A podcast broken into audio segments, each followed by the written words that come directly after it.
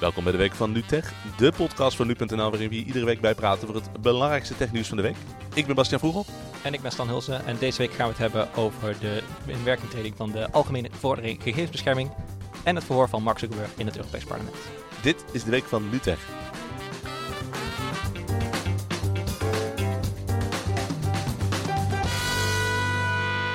Laten we beginnen met die privacyregels. Het is inmiddels een populair onderwerp bij ons op de tech-redactie. Ik geloof dat ook heel veel bedrijven een beetje de afgelopen weken in paniek waren. Ja, hoe, is, hoe ziet jouw mailbox eruit? Mijn mailbox staat vrij vol met het bericht dat uh, heel veel bedrijven opeens mijn privacy belangrijk vinden. Misschien even voor de mensen die hier instappen, even heel kort uh, beginnen bij het begin. Want in april 2016 nam de Europese Unie dus uh, nieuwe privacyregels aan. We hadden in Nederland natuurlijk al privacyregels die vastleggen wat bedrijven mogen doen en hoe we met datalek en zo omgaan. Maar er waren nog geen grote uniforme Europese regels. Sinds 2016 hebben we die wel.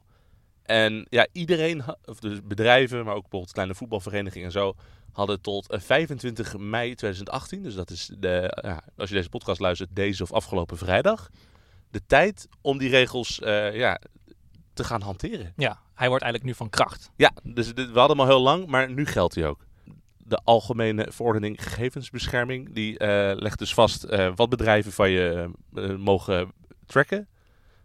hoe ze dat moeten bewaren en hoe ze ook jouw gegevens naar behoren moeten beschermen. En dat is dus reden geweest voor heel veel bedrijven om nu massaal mailtjes te sturen om aan te geven dat ze hun privacyvoorwaarden hebben aangepast. Maar sommige bedrijven moeten ook instemmen met de privacyvoorwaarden. Maar moeten ze nou... Ik heb dus nu mailtjes gehad van Facebook, Twitter, Google, Instagram al alle diensten waar ik een account heb, hebben me zo'n beetje inmiddels gemaild. Bij jou, bij jou waarschijnlijk ook. Het staat helemaal vol. Ja, maar is dat nou eigenlijk nodig om te doen of niet? Nou ja, de, de Algemene Verordening Gegevensbescherming is natuurlijk een doorvertaling van de Europese richtlijn GDPR. Mm -hmm. En in Nederland uh, komt de AVG uh, in heel veel gevallen al overeen met de wet die we hiervoor van kracht was, de Wet op Bescherming Persoonsgegevens. En uh, wat dat eigenlijk in, in de praktijk voor heel veel diensten in Nederland betekent, is dat er eigenlijk niets gaat veranderen op de manier waarop bedrijven hun gegevens over jou moeten uh, beschermen eigenlijk. Want als ze zich al aan de wet hielden hiervoor, houden ze zich waarschijnlijk nu ook nog aan de wet. Ja, dat precies. is het idee. Ja. Het, het idee is natuurlijk wel als je je privacyvoorwaarden aanpast of je, je servicevoorwaarden verandert, dan moet je dat aan gebruikers kenbaar maken. Um, hoe je dat doet, dat wordt niet gespecificeerd. Uh, veel juristen die ik heb gesproken de afgelopen tijd, die raden aan om uh, als je grote veranderingen hebt uh, aangepast, om dan bijvoorbeeld een mailtje te sturen. Maar pas je kleine dingen aan, schrijf, je, schrijf je privacyvoorwaarden duidelijker op, zoals de AVG ook vereist.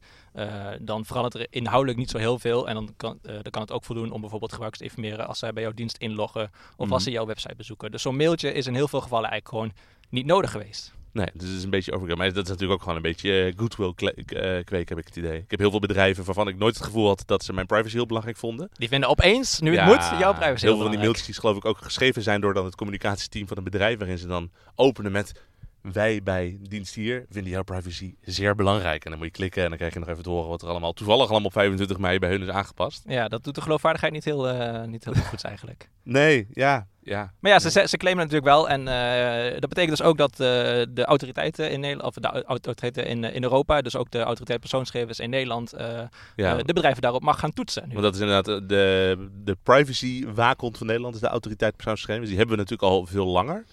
Uh, die kreeg in begin 2016 in mijn hoofd ook al wat meer macht toen ze de mogelijkheid kregen om bedrijven die datalekken niet melden te beboeten. Dat hebben ze tot op heden nog niet gedaan, maar ze mogen het wel. En dat is dus inderdaad de autoriteiten die nu al die uh, nieuwe privacyregels ook moeten gaan hanteren. Of, of dat gaat lukken is nog wel heel erg de vraag. Want ze hebben al een paar keer aangegeven dat ze denken niet de mankracht en de slagkracht te hebben om dat te doen. Hiervoor waren ze natuurlijk een beetje een kleinere overheidsinstantie. En nu hebben ze opeens veel meer autoriteit. Ze zijn de laatste tijd ook gegroeid naar van rond de 80 en 120 FTE's binnen het bedrijf, geloof ik. Maar uh, deze week schreef het Financieel Dagblad ook dat er nogal wat heisa bij de autoriteit perso persoonsgegevens is. Ja, vraag is dus uiteindelijk of ze nu uh, voldoende capaciteit hebben om uh, die AVG ja, te toetsen eigenlijk bij bedrijven. Nee, precies. Want ze hebben de laatste tijd zijn er een aantal, wat, wat bij het FD beschreven werd als zwaargewichten. Dus de voorzitter van de afdeling private sector en de afdeling publieke sector zijn allebei weggegaan. En wat uh, onderzoekers die wat prominente onderzoeken hebben gedaan voor de autoriteit persoonsgegevens, zijn allemaal ook uh, inmiddels de deur uit. En de privacy sector, dat zegt de autoriteit persoonsgegevens zelf ook, eh, is nogal natuurlijk een. Ja, er, er zijn niet heel veel mensen op die markt die dat kunnen vullen. Dus het is heel moeilijk om die gaatjes nu te vullen. Maar het betekent dus wel dat er een beetje er is een soort van stoelendans gaande met eh, ja, te weinig personen om alle stoelen te vullen. Net op het moment dat de autoriteitspersoonsgegevens zo'n grote rol gaat spelen.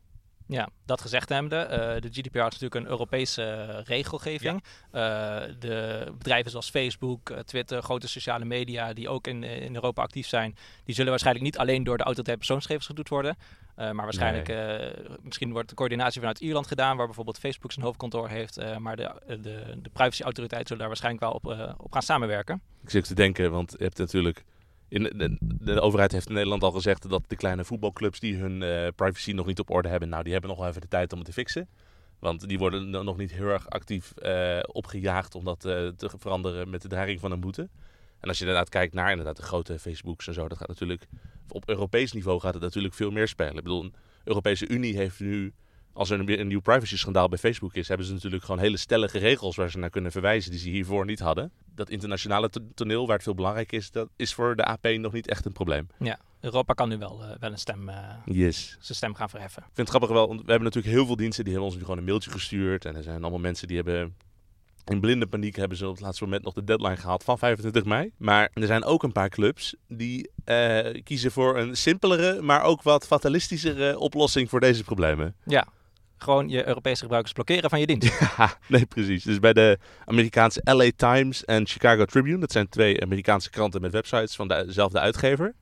Als jij nu als uh, Nederlander, of als Fransman, of als Duitser, of als Europeaan in ieder geval, die websites bezoekt, krijg je gewoon een bericht te zien van ja, sorry, uh, wij kunnen niet onze journalistieke standaarden halen uh, volgens deze Europese nieuwe regels. Dus je kunt niet meer op onze website komen. Dus je hebt geen toegang meer. Ja, wat is er aan de hand? Nou, het ding is natuurlijk wel bij dit soort Amerikaanse kranten. Een heel groot deel van de lezers is natuurlijk gewoon Amerikaan. De, uh, het aantal Europeanen dat uiteindelijk leest, dat zijn misschien expats vanuit Amerika die naar Nederland of de, naar Europa zijn gegaan. Of uh, een aantal mensen die interesse hebben in Amerikaans nieuws. Die dat toevallig vanuit Europa willen volgen. Maar dat is natuurlijk een veel kleinere groep dan bijvoorbeeld alle mensen uit Chicago die de Chicago Tribune lezen. Misschien hebben ze het ook een beetje onderschat en dachten ze van nou, we kunnen ons wel makkelijker even aanpassen en zijn ze geschrokken ervan. Maar het is natuurlijk voor hun een veel minder grote prioriteit dan bijvoorbeeld bij ons uh, bij nu.nl of bij de NOS, waar gewoon iedereen in Europa zit en dat je er wel aan moet voldoen. Dat gezegd hebben, er zijn ook wel diensten zoals je hebt bijvoorbeeld de leeslaterdienst Instapaper. Dan kun je een uh, plugin in je browser installeren en als je dan op een knopje drukt, dan stuur je naar een app een artikel zodat je het later kan lezen is gewoon een internationale hele grote dienst. Die voldoet ook niet. Dus die is tijdelijk ook in Europa niet toegankelijk. En je hebt een aantal games. Dus uh, niet hele grote games hoor. Maar bijvoorbeeld het uh, online rollenspel Ragnarok Online. Dat is gewoon een hele kleine studio. Daar zit al niet heel veel geld in. En die hebben eigenlijk ook uh, gewoon eigen voor hun geld gekozen. En dachten van nou, dit gaat ons zoveel moeite kosten om te voldoen bij dit spel. Laten we ons maar lekker weer terugtrekken. Ja, gewoon blokkeren en dan zitten we sowieso safe. Ja, precies. Dus we kunnen, ons, we kunnen de regels in Europa niet schenden als we niet in Europa zitten. Dat is de gedachte. Zang, zang.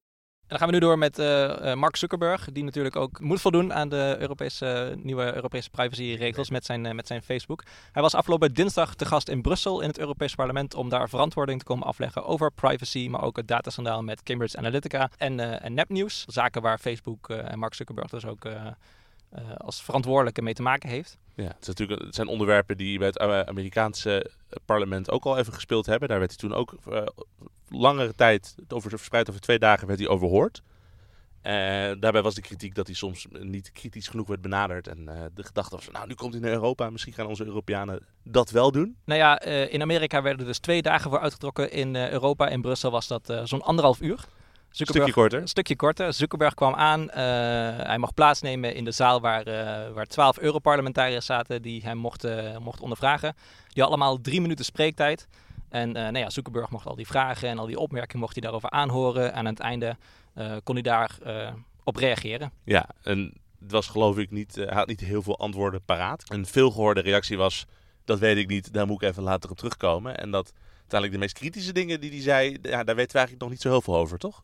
Nou ja, omdat het format dus natuurlijk zo was dat uh, Zuckerberg uh, eerst een uur lang vragen uh, voorgeschoteld kreeg en daarna een, een, half uur ongeveer de tijd voor had om die vragen te beantwoorden, kon hij mm -hmm. dat antwoord eigenlijk helemaal naar eigen smaak invullen. Ja. dus hij koos ervoor om een paar onderwerpen aan te snijden, zoals privacy, nepnieuws, nieuwe, nieuwe AVG, GDPR dan in, in de Europese setting. Um, en daar kon hij eigenlijk statements over maken van, nou, dit is wat Facebook daarover doet en uh, zo pakken we het aan en zo gaan we het beter doen. En uh, nogmaals, zijn excuses heeft hij ook aangeboden. Uh, maar dat zijn allemaal dingen die hij de afgelopen weken eigenlijk ook al heeft gezegd. Dus Dat daar kwam wisten we eigenlijk, allemaal, ja. eh, dat wisten we allemaal al.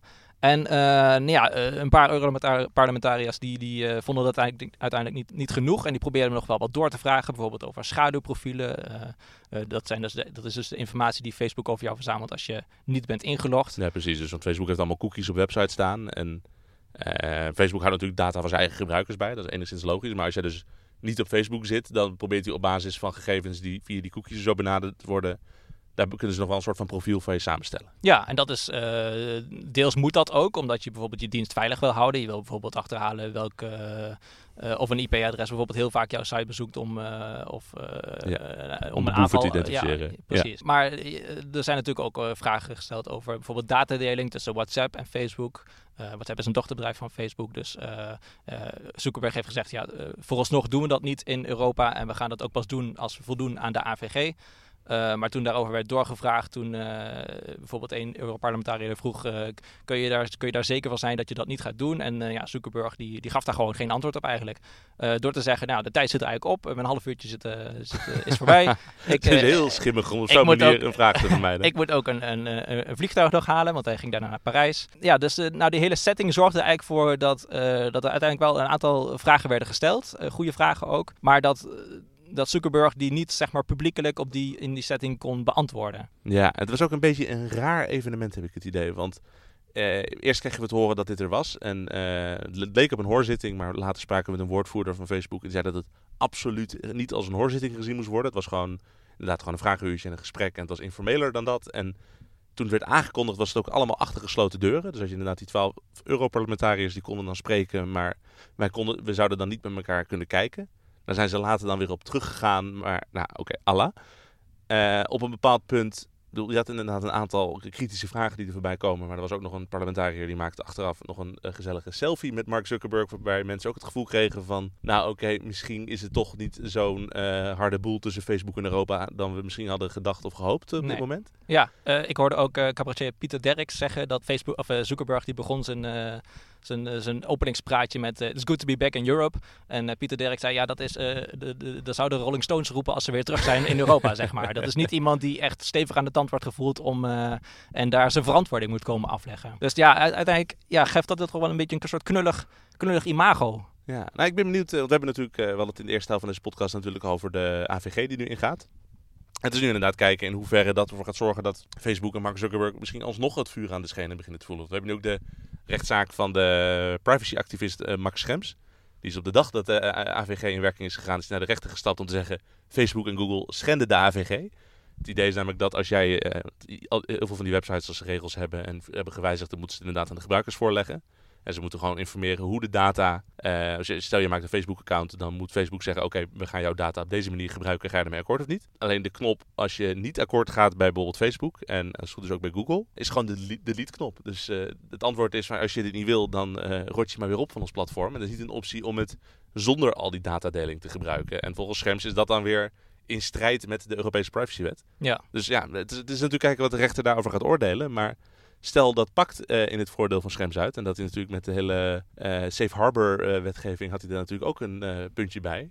Ja, misschien gaat het nog wel veranderen hoe Facebook hier in Europa zijn diensten moet aanbieden. Ja, dat is, dat is uiteindelijk de vraag. Daar moeten rechters zich over gaan uitspreken. voordat daar daadwerkelijk ja, een uitspraak in volgt, dan zijn we waarschijnlijk weer een aantal jaar verder. We houden het nog even tijdje in de gaten. Denk ik. Ja. En dat was hem weer voor deze week van Utrecht. Uh, zelf ben ik er volgende week niet, want ik ga lekker op vakantie. Maar uh, als het goed is ben jij volgende week wel terug. Ik ben er volgende week wel en dan uh, neem ik een gast mee. Een gast? Ja, nou, dat, uit, uit, een andere podcast van nu.nl. Dit wordt het Oeh, wie zal het worden? Ja, dat is, kunnen er maar twee zijn. Ja. nou, tot die tijd kun je ons gewoon bereiken op tech.nu.nl. Je kunt ons natuurlijk vinden op de nu.nl app, op de nu.nl website, op Facebook, op Twitter. En als je vragen hebt, stel ze vooral. Ik zeg tot volgende week. Joep.